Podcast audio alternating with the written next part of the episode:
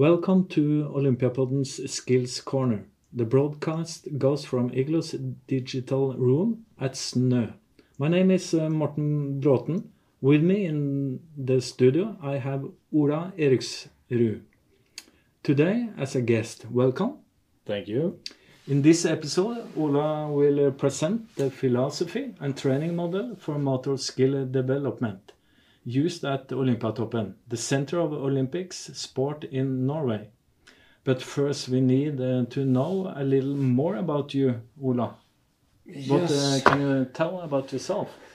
Uh, background: uh, physical therapist. Um, lived abroad and studied that in the U.S. Uh, came back to Norway in 2005, and then started working at the Norwegian School of Sports Sciences. Um, but also, so that was going into an academic role, uh, teaching and, and, and research. Um, but always keeping the practical uh, or being close to the clinic and being close to the applied domain. Uh, so I worked as a physio in different clinics and then started at Olympiatoppen as a physical therapist in, in private practice. And then also consulting with um, you and, and, and your department, Yeah. uh, as well as the strength and conditioning department at, uh, at Olympiatoppen. So that has been going on for a number of years, and uh, to be honest with you, I cannot remember for how long Yeah. anymore. But uh, um, I know also that you have uh, something to do with the 1080 mapping system. Yeah. Uh, can you say something about that? Uh, so as a part of uh, you know working clinically, um, we learned all these tests and assessment strategies in in, in school, and uh, so as a physio, I would use those and, and and try to look at how could they actually predict or tell something about how people moved, and I felt like they didn't tell that big of a story actually. And it was a kind of a gap between what i found on the table and when people were moving and different parts were moving together. And so the the the, the 1080 map then kind of evolved as a strategy to to look more holistically at movement rather than looking joint by joint plane by plane direction by direction.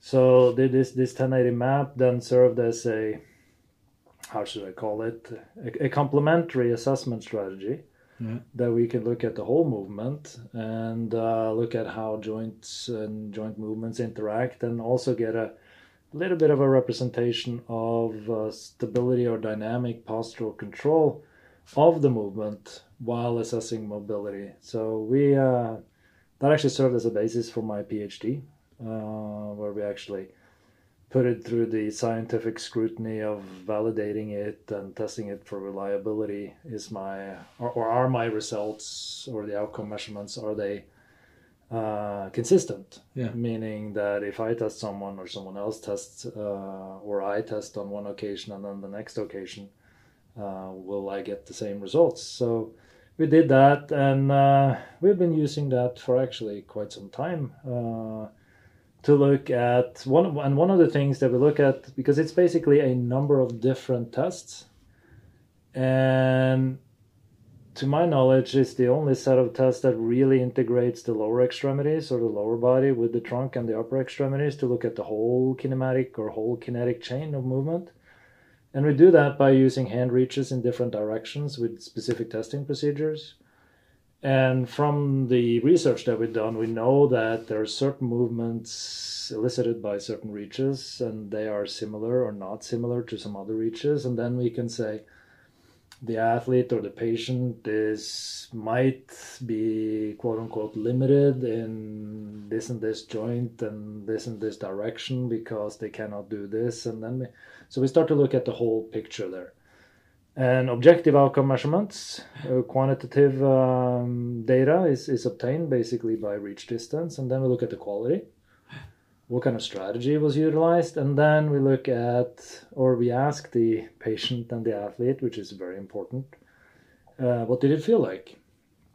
Because it we've found a number of occasions where people actually do these tests and the objective measure might be the same but the perception on behalf of the athlete is just very different. It feels tight it feels awkward i feel less stable. So there are the layers of information are from quantitative objective data qualitative to subjective.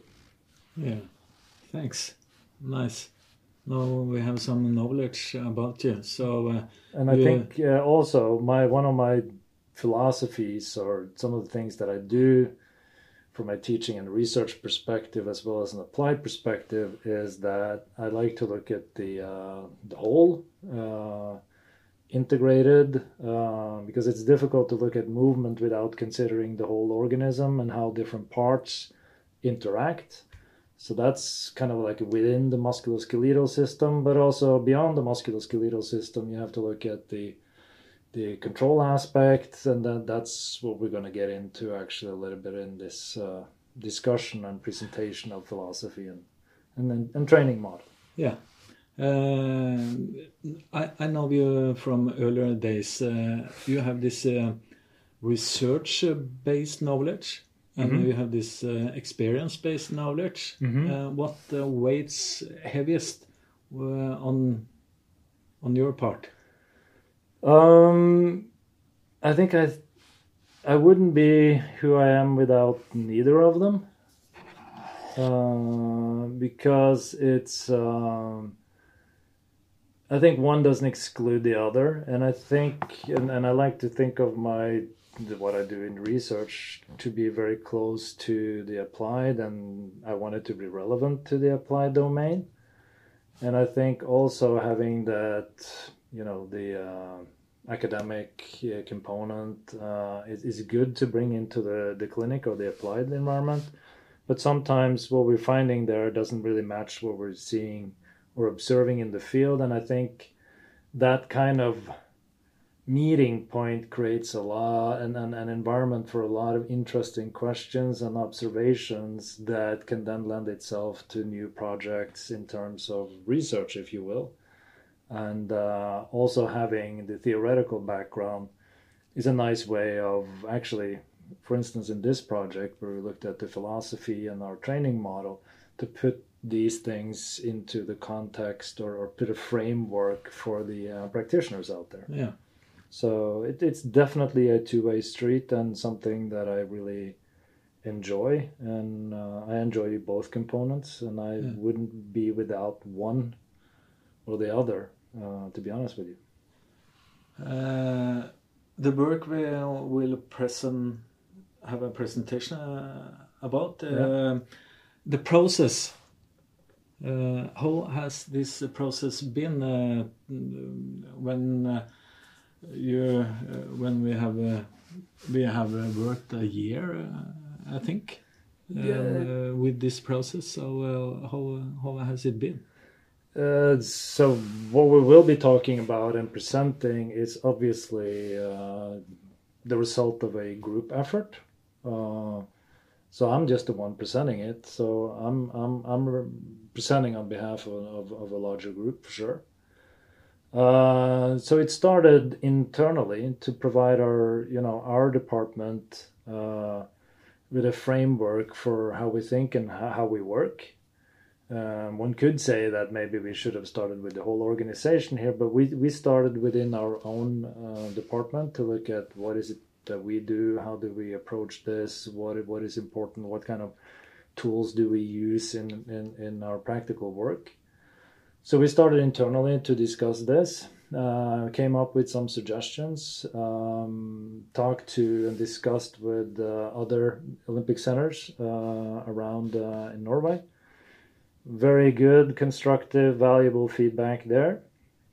Then we presented to the other departments because a part of this philosophy and model is also to communicate internally what is it that we do and how do we complement each other uh, very, very valuable, again, constructive feedback from uh, those departments and individuals there.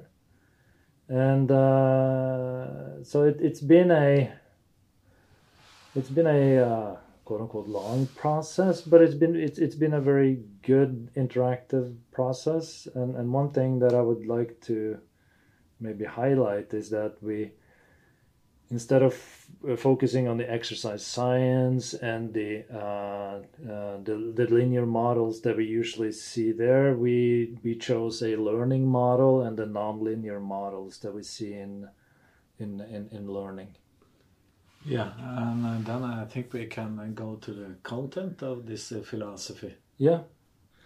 So. Um, if you're uh, if you're seeing the video, it, it will obviously help. Uh, if not, I will do my best to, to try to explain this verbally. Um, but if we're looking at philosophy, um, we uh, we start with the individual, uh, obviously, and uh, the individual is we can then you know uh, separate the individual into uh, smaller and smaller and smaller parts and we have a long tradition and a culture and a history of doing so.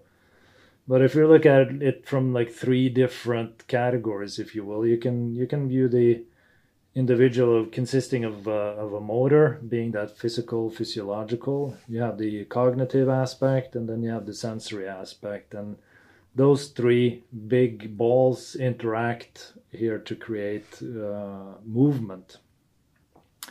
But movement does not exist in uh, in isolation, uh, so to speak. So the individual is operating um, in a uh, maybe I should say a couple more things about the cognitive because that that that can be a little confusing sometimes the term. So in cognitive, what is it that we put in this cognitive ball? We put attention, concentration. We put uh, knowledge, intelligence. What's my knowledge of my sport? What's my knowledge of my training? emotions, motivation, uh, long-term short-term memory and uh, maybe the most important one is learning methods.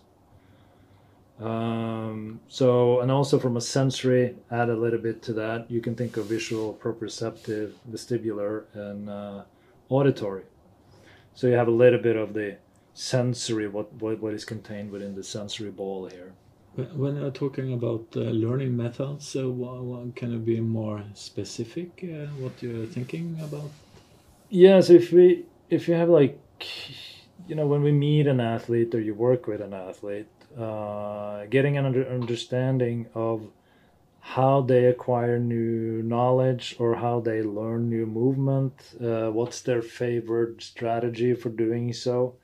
Some people are very verbal and cognitive in the approach. Other are more sensory in their approach. They like to feel the movement and, and so there are very very different strategies uh, from uh, from learning methods, and I think it's very important that we get an understanding of that when we start to work with an athlete.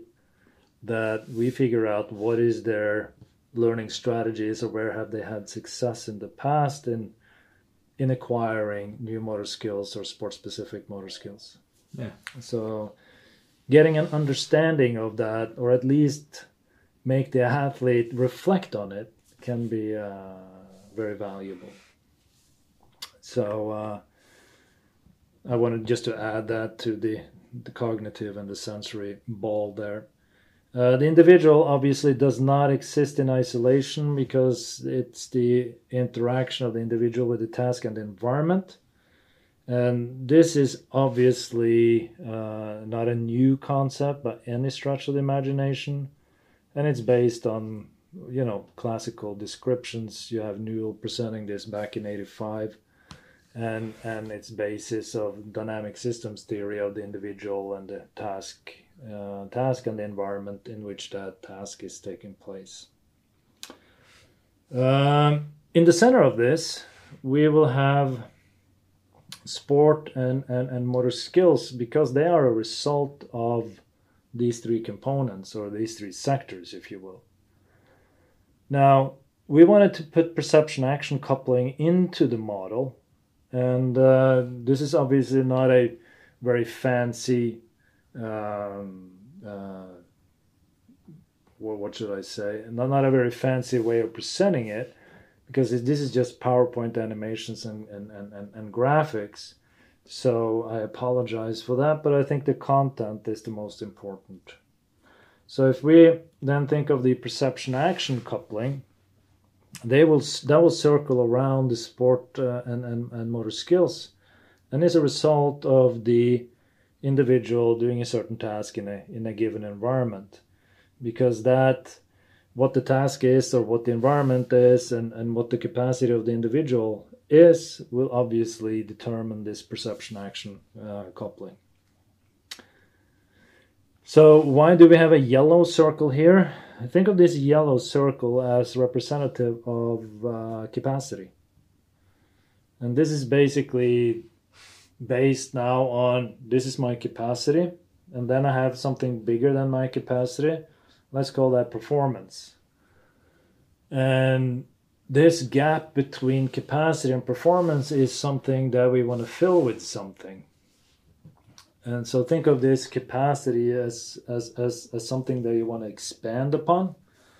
So we try to get that dynamics into this model by using these arrows and, and, and pushing this capacity towards the uh, demands placed on the athlete by the performance.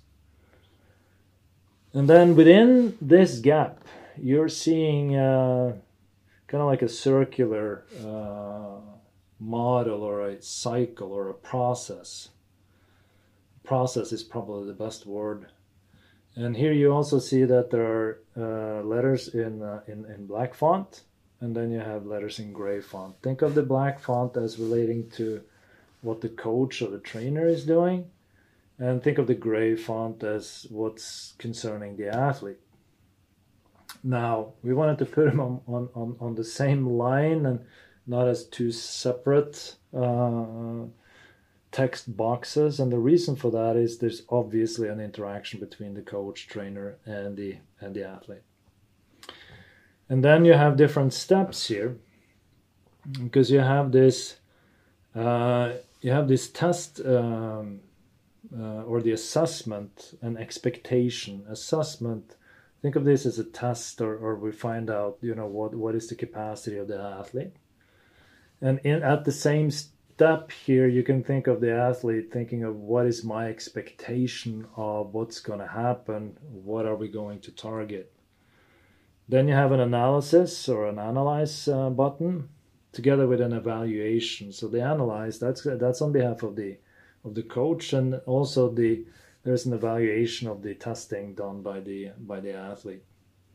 And then you have a training or a training prescription, an intervention, a program, with an ongoing reflection of of that program on behalf of the athlete. And this is a process, a circular process that is that is ongoing. So that provides us with, with, with some sort of philosophy of, of how we approach motor skill uh, development. Okay.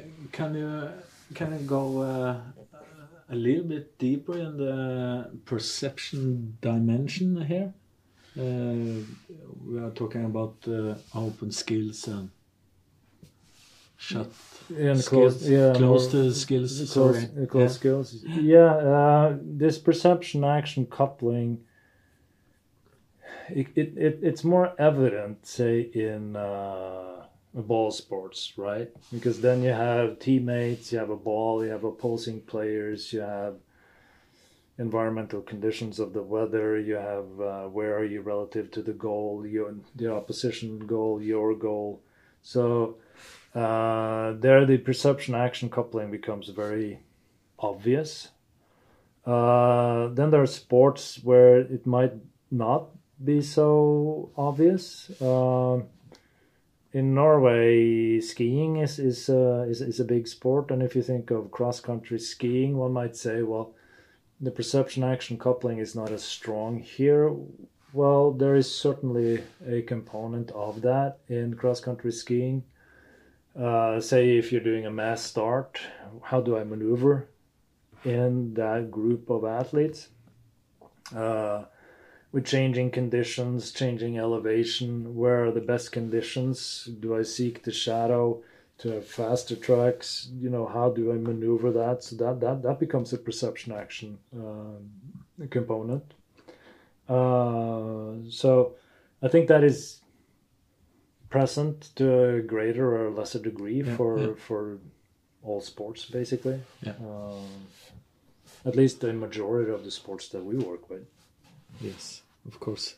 And uh, this is our challenge, I think, uh, every day on our work. Yeah. And we're working with uh, athletes Yeah. from different sports because of this perception dimension Yeah. in some way. So uh, this is a challenge for us. And also, in, and again, back to skiing, how do I read the terrain? Mm. That's definitely a perception action coupling. So if the terrain is like that, my skis are good or not so good. How do I attack a turn? Which technique do I choose to use here? There, there, there's always a a, perception action coupling. Yeah. So um, yeah, it, it this provides us with a general philosophy for us to subsequently put our what we do in training into. So if we then think of the uh, the training model, uh, so if we if we go to that one, um, and uh, we'll we'll show this one. Uh, we go back to our uh, philosophy, and when we when we did this development, we all of a sudden we had a new kind of graphical presentation here and that became a little bit confusing to to the people that we're going to present this to so we thought that we had to change it and we had to have our training model to be anchored on our philosophy to make it flow better and enhance our understanding. And if we are confused about it the listener or someone reading it is, is, is, is certainly going to be confused about it. So we tried to use the kind of the same use the philosophy as a basis of our uh, of our training model and, and keep it kind of similar the way that we present it so Yeah. that's uh, so when we when we look at the training model we we see the philosophy but the this model is about what is it that we are filling the gap between capacity and performance with. So think of this gap here. These are our interventions. These are our strategies, and and this is the what, the why, and the how uh, that we're trying to fill here to uh, actually improve motor skill uh, performance. And how are we going to then show this? Because we use many different strategies and techniques and uh, equipment and, and what have you. So we had to create some sort of structure and system to it. And then we thought then we thought of a mixing table with a music producer because they're turning on these different dials and uh, turning them up or down to better in essence get that music to sound the best uh, that they could or can. So we use the same analogy here where with different buttons that we're thinking we're turning up or we're turning down. And then we have color coded them so that uh, the individual has a certain color code, the task buttons has a certain color code, and then the environmental buttons has a certain color code. So the first button goes on the individual side or in the individual sector if you will. And uh, that's the athlete teaching interaction. And here you see you can turn that to high to low. Um, and this is very much based on the athlete knowledge uh, of their sport or of training. And uh, it's a button where we and also learning strategies how they learn. Uh, it's very important because that's knowledge that we need to have initially. So here we can go from high to low meaning that there'll be athletes where you have a really strong focus on, on teaching and interaction. And uh, if we're thinking about learning stages we know that in an early phase it might be more of a cognitive phase. So it might be that the the dial is turned up a little bit higher early to then turn the dial down a little bit more later on in that process. So that's an individual at the individual level, if you will. And then the next thing, uh, the next sector, uh, that would be uh, relating to the to the task. And here we have four buttons, and, and the way that we color coded this, it's a little bit lighter filled uh, uh, buttons. So I'm going to start on top with the movement and the degrees of freedom part. And here we can think of whole versus part. And here we're thinking from whole versus part practice, and here we can think of whole versus part as the, the whole body or the organism because there are situations where you would uh, look at, say, for instance, a swimmer. Uh, you want them to have a certain ability to assume a position of their upper extremity to catch the water for a stroke, and that might require certain positioning of the thoracic spine, scapulothoracic articulation, and then, then the shoulder joint. So then we might start out with the part, and then we might integrate more into the whole the whole system, or more of the kinetic kinematic chain of the of the torso and the trunk, and then the lower extremities. So part versus whole. That we've used this to uh, relate that to how many or or how many moving parts do we have within an exercise, and that also feeds degrees of freedom because if you have fewer joints moving, that means that you have fewer degrees of freedom available to you to uh, coordinate or possible solutions to being able to accomplish a, a, a given task. And this also feeds um, uh, Bernstein's three stage model, where you see when you're learning a task, you usually have you have a tendency to isolate the degrees of freedom with fewer moving parts or moving joints. And as you get more comfortable and you're starting to learn, you increase the degrees of freedom, more joints are, are, are moving. And then at the end, there you're starting to utilize external forces to optimize your performance. And how, for instance, kids learn how to throw is a great example where they start by just using their arm and then they integrate more of the thorax, the trunk, the hips, and then they figure out that they can, if they have an approach speed, they stop and they get this. They use the external forces or the ground reaction force to actually then being able to to throw an object. So um, degrees of freedom and uh, and and the movement whole versus part is something that we use uh, substantially. And then uh, the next one is cognitive demand and processing. Cognitive, uh, we got some feedback on the use of the term cognitive, but uh, we defined a little bit cognitive with the philosophy, what we put put into cognitive. So this this cognitive demand processing can be high to low based upon uh, your stress, attention, arousal so you can put an athlete in an environment where there's going to be more stressful uh, or a greater cognitive demand in that that regards, or you remove them from that and you have a lower cognitive uh, cognitive Com complexity is uh, making can make it stressful. Absolutely. Yeah. And we'll, we'll touch on that when we go into uh, a little bit of intensity as well, because you can have a high cognitive demand can be very demanding and taxing on the uh, on the athlete for sure. And then this next one, this is a big one. Um, and one of the one of our colleagues says said that uh, variability encompasses all of it, and uh, we agree. But we put variability here uh, as as one button to to view how or, or to depict how we use that in, in a given task. So variability can be from a movement perspective. So that means that it can be an intertrial variability. It means that you're not doing the same, you're alternating slightly on the movements from, from set to set or rep to rep. Uh, that's one of thinking about variability. and that also feeds the order uh, in a sense that you can have a blocked or a random or a or, or a serial serial order of tasks. Um, so that's another way of thinking about it. Speed, you go up or you go down on speed. That's a variability.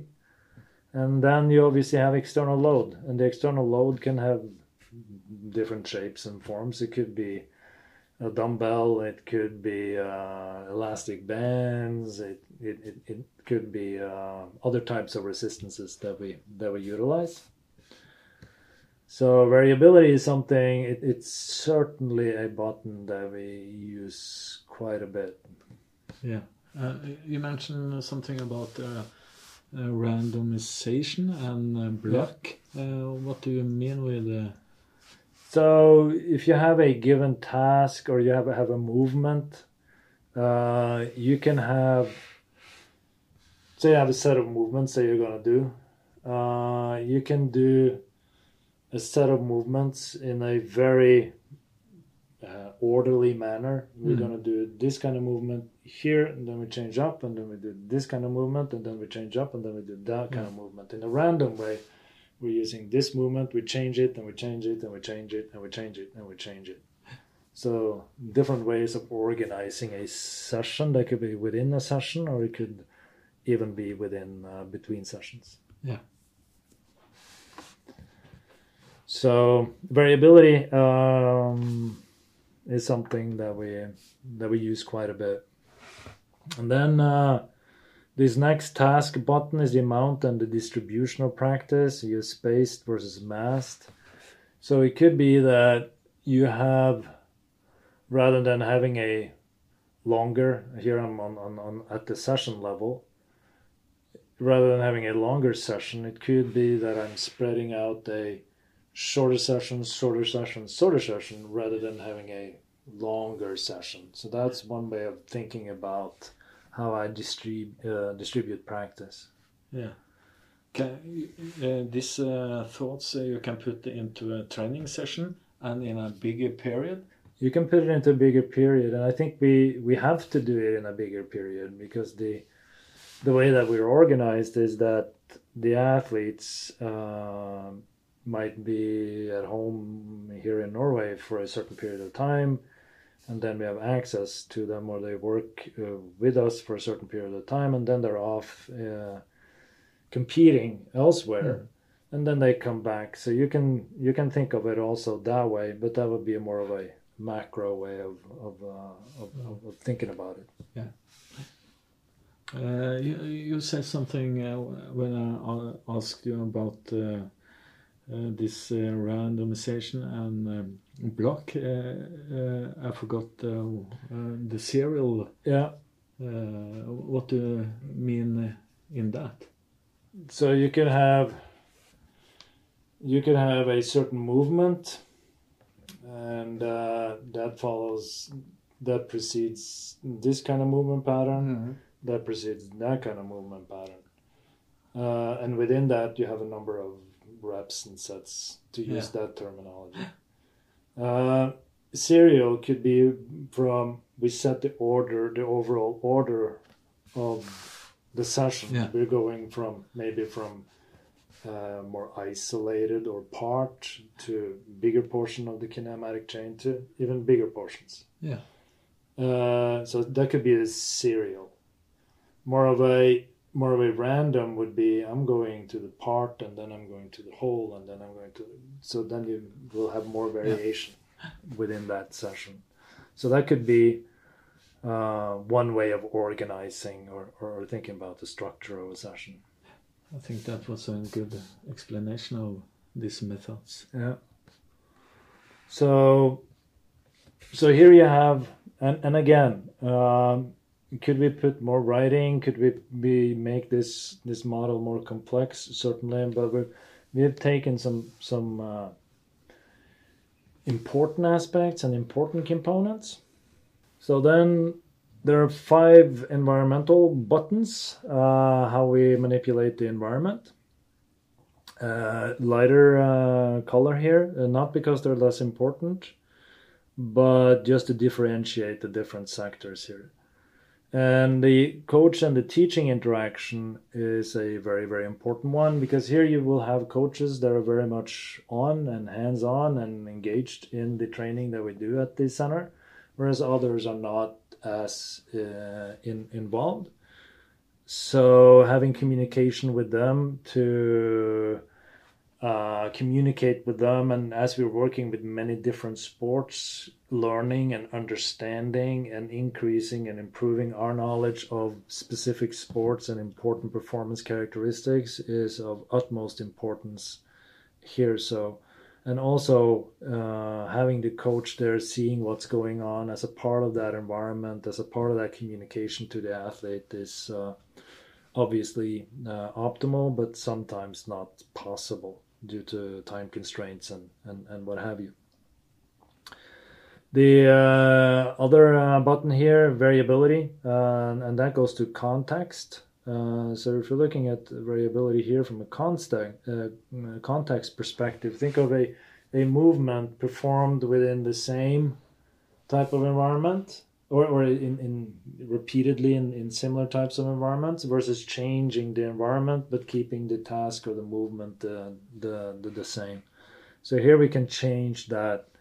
Uh, one way of thinking about it here is changing environment. I will get back to other components of the environment later obviously but it might be that for certain athletes we're looking for them to assume certain positions being comfortable in certain positions and then maybe take them out on snow and then try to do do the same thing there or, or just changing the environment uh, on them or the context. So so you mean uh, you can uh, change the surface you, on you, the floor? for instance you could yeah. change the surface on the floor. That could be that could be one, one, one component absolutely. But then we have to see if the change of the surface is relevant versus non-relevant and also understanding say if you're using uh, softer surfaces, harder surfaces, slanted surfaces, what, have, what, what, what does that mean? Is it relevant? What is it that we accomplish by doing it? So I think we have to be careful and really to think through like what that yeah gives us that doesn't give us. Yeah, uh, the variation has to be uh, has to have a goal it has to have a purpose. Purpose. It, it has yeah. to has to serve a purpose because if we're just changing things just to change it, yeah. we have to really think through what what is it that we're getting by changing the surface here, making it less stable. We're getting this, and this is relevant because we have to discuss and reflect on that. Uh, so that was variability on the context, and then uh, we also have an environment button in itself here that we call structured versus exploratory. And if you're thinking of structured, think of a of environment that's very uh, predictive. Uh, we know what's going to happen every single time. Uh, versus exploratory, where exploring the environment, we're using the environment, and the environment can consist of, if we're thinking ball sports, can consist of other players or or, or the trainer doing something to induce something in the environment to allow them to explore, for instance, movement strategies.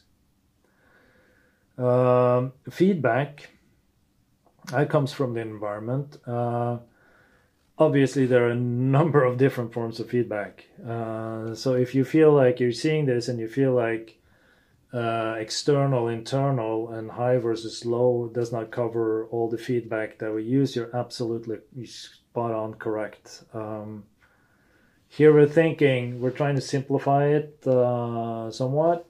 And feedback, think of external. There's always going to be a high amount of internal feedback. Hmm to think of external feedback as something that maybe early on you're more onto, you're providing that because the athlete might say, Well, I'm in that position, or my foot is turned that way, or I have my position of my hip, and it might not be that they do. Uh, so then provide them with that information, whether that's tactile or visual or video.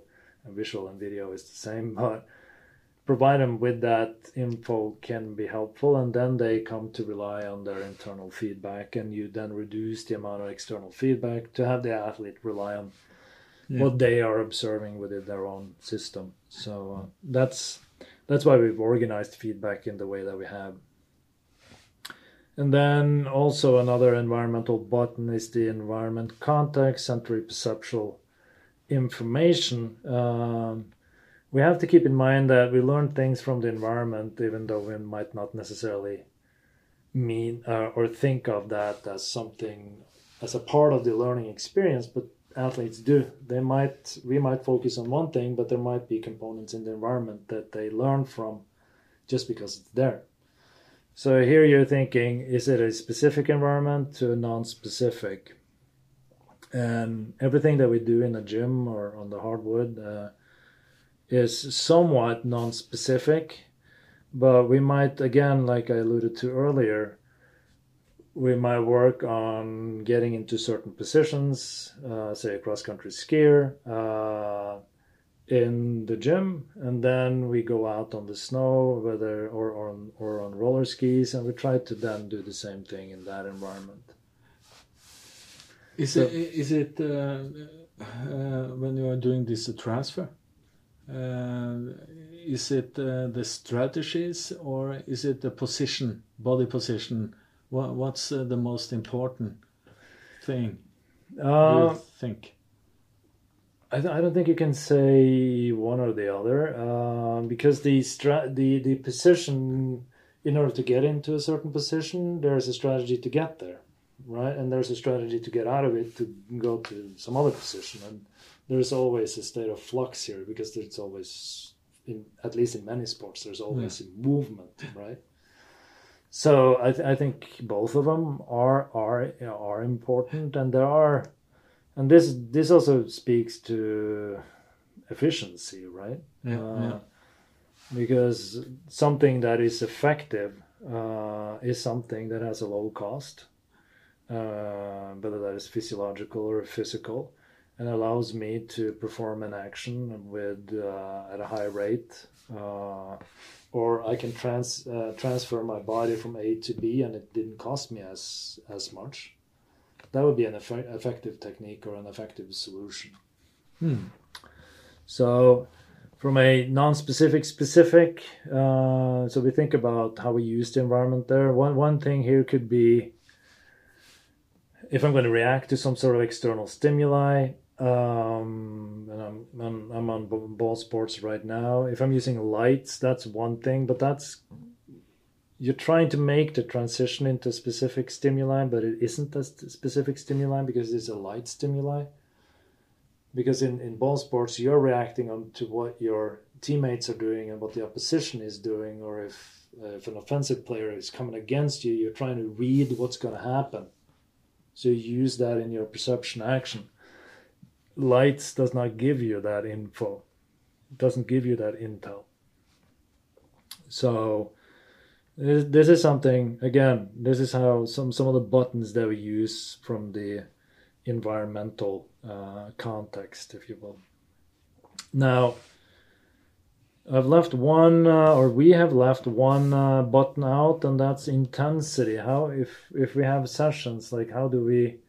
And this is thinking about you know your classical exercise science too. Is like how do we judge or view the intensity of what we did. Uh, counting rep sets and, and getting a, a volume is, is, is one way of doing it. Rate of perceived exertion is another another way, and, and classically that is that is used from a physiological physical perspective. We could also think of that from a cognitive uh, perspective, and, and we had this conversation over uh, over lunch here where there's a high cognitive demand as you're starting to learn things and they people become very much fatigued and tired from learning something that is somewhat new or challenging existing techniques that could be very taxing on the individual. So in this intensity rpe here we also put that cognitive uh, demand and, and, and, processing so here are the different uh, different buttons, if if you will. And then the the next one would be it's kind of some of you, the ones that are looking at the video, will see now that um, there are some portions of that directionality of that dial that is, uh, has been highlighted in bold font. Uh, and that is to mean a little bit, or, or for us to start to think about progression. So, from an athlete teaching interaction, you can go to a lower there to make them rely on themselves and trust uh, their own process. Movement degrees of freedom going to whole, that will be a, a progression cognitive demand processing going to high, that's a progression. Variability going to high, that's a progression. Uh, uh, as we're having a progression, it might be that it's going to be a lower interaction with the coach. Uh, variability, the context, again, you're going high on the variability. From an environment perspective, exploratory. Feedback, you go down on your feedback and the environment you go specific so that's that's one way of thinking about progressing these different dials if you will uh, then we also have to think about this motor skill development uh, process here this improvement and this is not necessarily linear so the, the straight arrow that we have here uh, exemplifies kind of the linear model that uh, some disciplines uh, have a tendency to, to use. But motor skill learning is certainly nonlinear, so we've used two different graphs here to show that this process is uh, not necessarily a linear process, but learning has different shapes and forms over time. And um, uh, in so in this gap here or as we're trying to enhance this capacity how can we actually say something if we made a change or, or or something has changed or improved so improvement that is the skill is improved and performed at a higher level. Uh, consistency uh, think of the performance characteristics becoming more and more similar. Because as you're starting to learn something or you're changing something the the consistency you might be that you're good and then you drop off and then it's good and then drop. So consistent uh, is, is, is important. Uh, stability uh, somewhat related to variability and, uh, and perturbations uh, and and this means that the performance is stable under different internal or external conditions or, or perturbations for instance, stressors, uh, environmental factors. So it, it's stable if if you perturb the athlete. Persistence, uh, stable over time, and then adaptability. It's able to apply or adapt this motor skill to different environmental context or performance context characteristics, and that by that it's it's in my opinion uh, or in our opinion somewhat related to stability so the outcome what what are we looking at in terms of outcome in terms of outcome we can look at well does the performance change that's obviously important uh, then we can look at retention which speeds speaks to are, are they able to retain is this something that we're seeing after a period of time transfer, uh, be able to perform the skill without feedback to different environments. Um, that would be transfer. And then coordination um, and coordination dynamics. And if we're looking at coordination, they have an initial set of, call it strategy, uh, or a way of doing a movement that will then change. There is a transition and transition, and then there's a new coordinative or, or, or, or, or movement that we see on the, the other side as they're going through the learning process.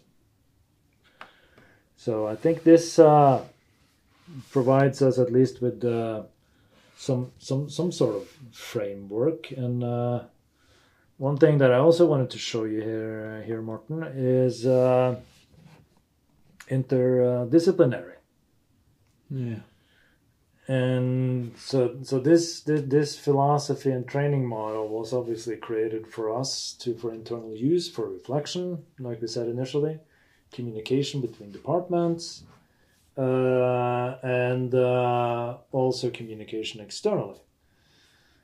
But if we're going to collaborate, we can look at certainly motor and cognitive as as, as two uh, components of that individual where we're where we're looking and this is i'm not taking all the possible uh, or we're not taking all the possible uh, collaboration points here but here are some from the motor physical and strength and conditioning uh, physiological the endurance component for sure cognitive sports psychology uh, the fact that you have a national team coach or another coach there as a part of the environment is certainly multidisciplinary. So it lends itself to a multidisciplinary approach for sure. Yes. Yeah. So um, that was a little bit on uh, training model, and it was a one of the things. This is a dynamic model uh, because it has been created as a function of time and I or we think that it's going to continue to evolve as a function of time.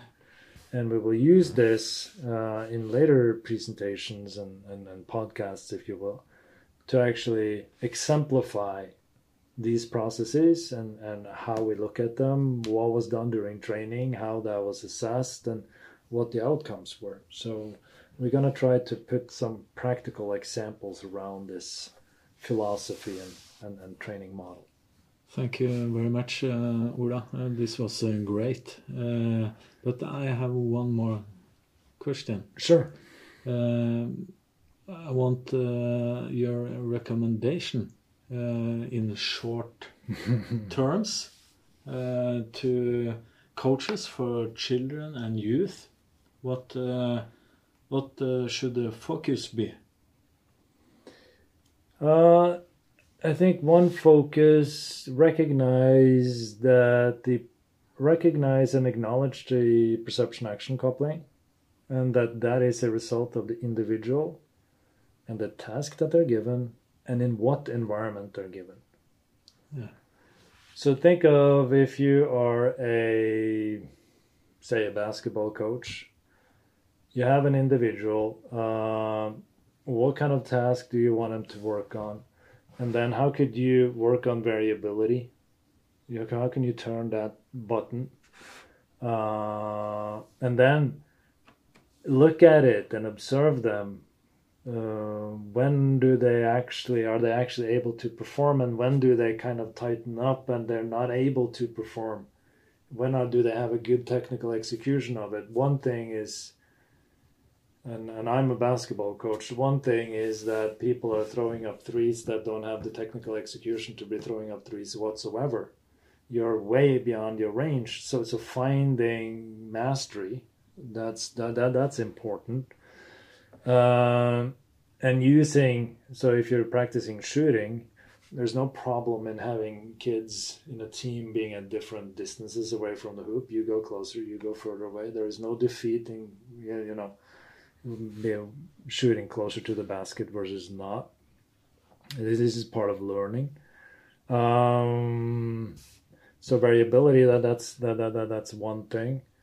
Um, do the same task, different contexts. So use the environment. Have them explore the environment.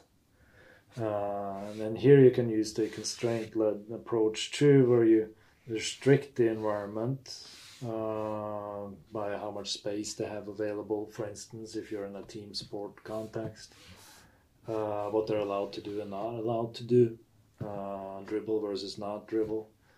Uh, are there certain things that they have to do before they score, for instance? So that there are many ways of manipulating, um, manipulating that. And if you're going to use exploratory learning, careful with the feedback very careful with the feedback because one of the things that I see there is, and I I have done wrong many many many times of being too hard on the feedback there. So if if if they're gonna do exploratory learning, have them figure it out yeah. or organize the task so they can figure it out. And then be careful with how much feedback you provide and what kind of feedback you use. So that that would be one thing when you manipulate the environment. Um, what else? Keep it relevant. You know, if it it, it should be relevant to to the task they're trying to accomplish, right? So keep it relevant so so the kids understand how it's relevant to the game or the sport that they're practicing, right? How is this relevant? And then you might show them, and some kids get it of the group, and then others don't, and then you might have to verbally explain it. It's relevant because. So so for them to have a understanding of, of how it's relevant. Uh, catering to individual learning strategies in a big group of younger kids, that could be a uh, very, very difficult uh, endeavor. Therefore, use try to utilize different learning strategies, and then maybe observe who who flourishes or, or really looks good when we do it that way versus others are struggling. That that is a sign of how people learn things. Um, I could go on and on about this, but um, I think those are are, are, are, are, are, are some things. But sensory action or, or the uh, perception action coupling, just keep that in your mind uh, when you're setting up some practices. Keep it relevant. Thank you, Ola. Yeah. Thank you very much. Uh, you have uh, motivated me. Uh, hopefully, you have motivated the listeners. So, uh, so, thank you for your knowledge and uh, your explanation around our philosophy. Yeah. So, thank you very much. And uh, hopefully, we will be back later at some juncture to to talk more about this and exemplify, so so people will maybe get a firmer grasp of what we're talking about if you're feeling like this became too abstract. But try to put what you do as a coach, what kind of tools you use, and think of where they would fit in this philosophy or training model. And then you can reflect on that. Then it, that, that could be a that that's a nice reflection uh, actually to to really think about what am I doing, which buttons, or you might have some other buttons. Put those buttons in there. What what are things that I can do to improve my skills or my success as a, as, as, as, a coach. So that, that, that reflection is very important. And one of the reasons why we created it. Thank you.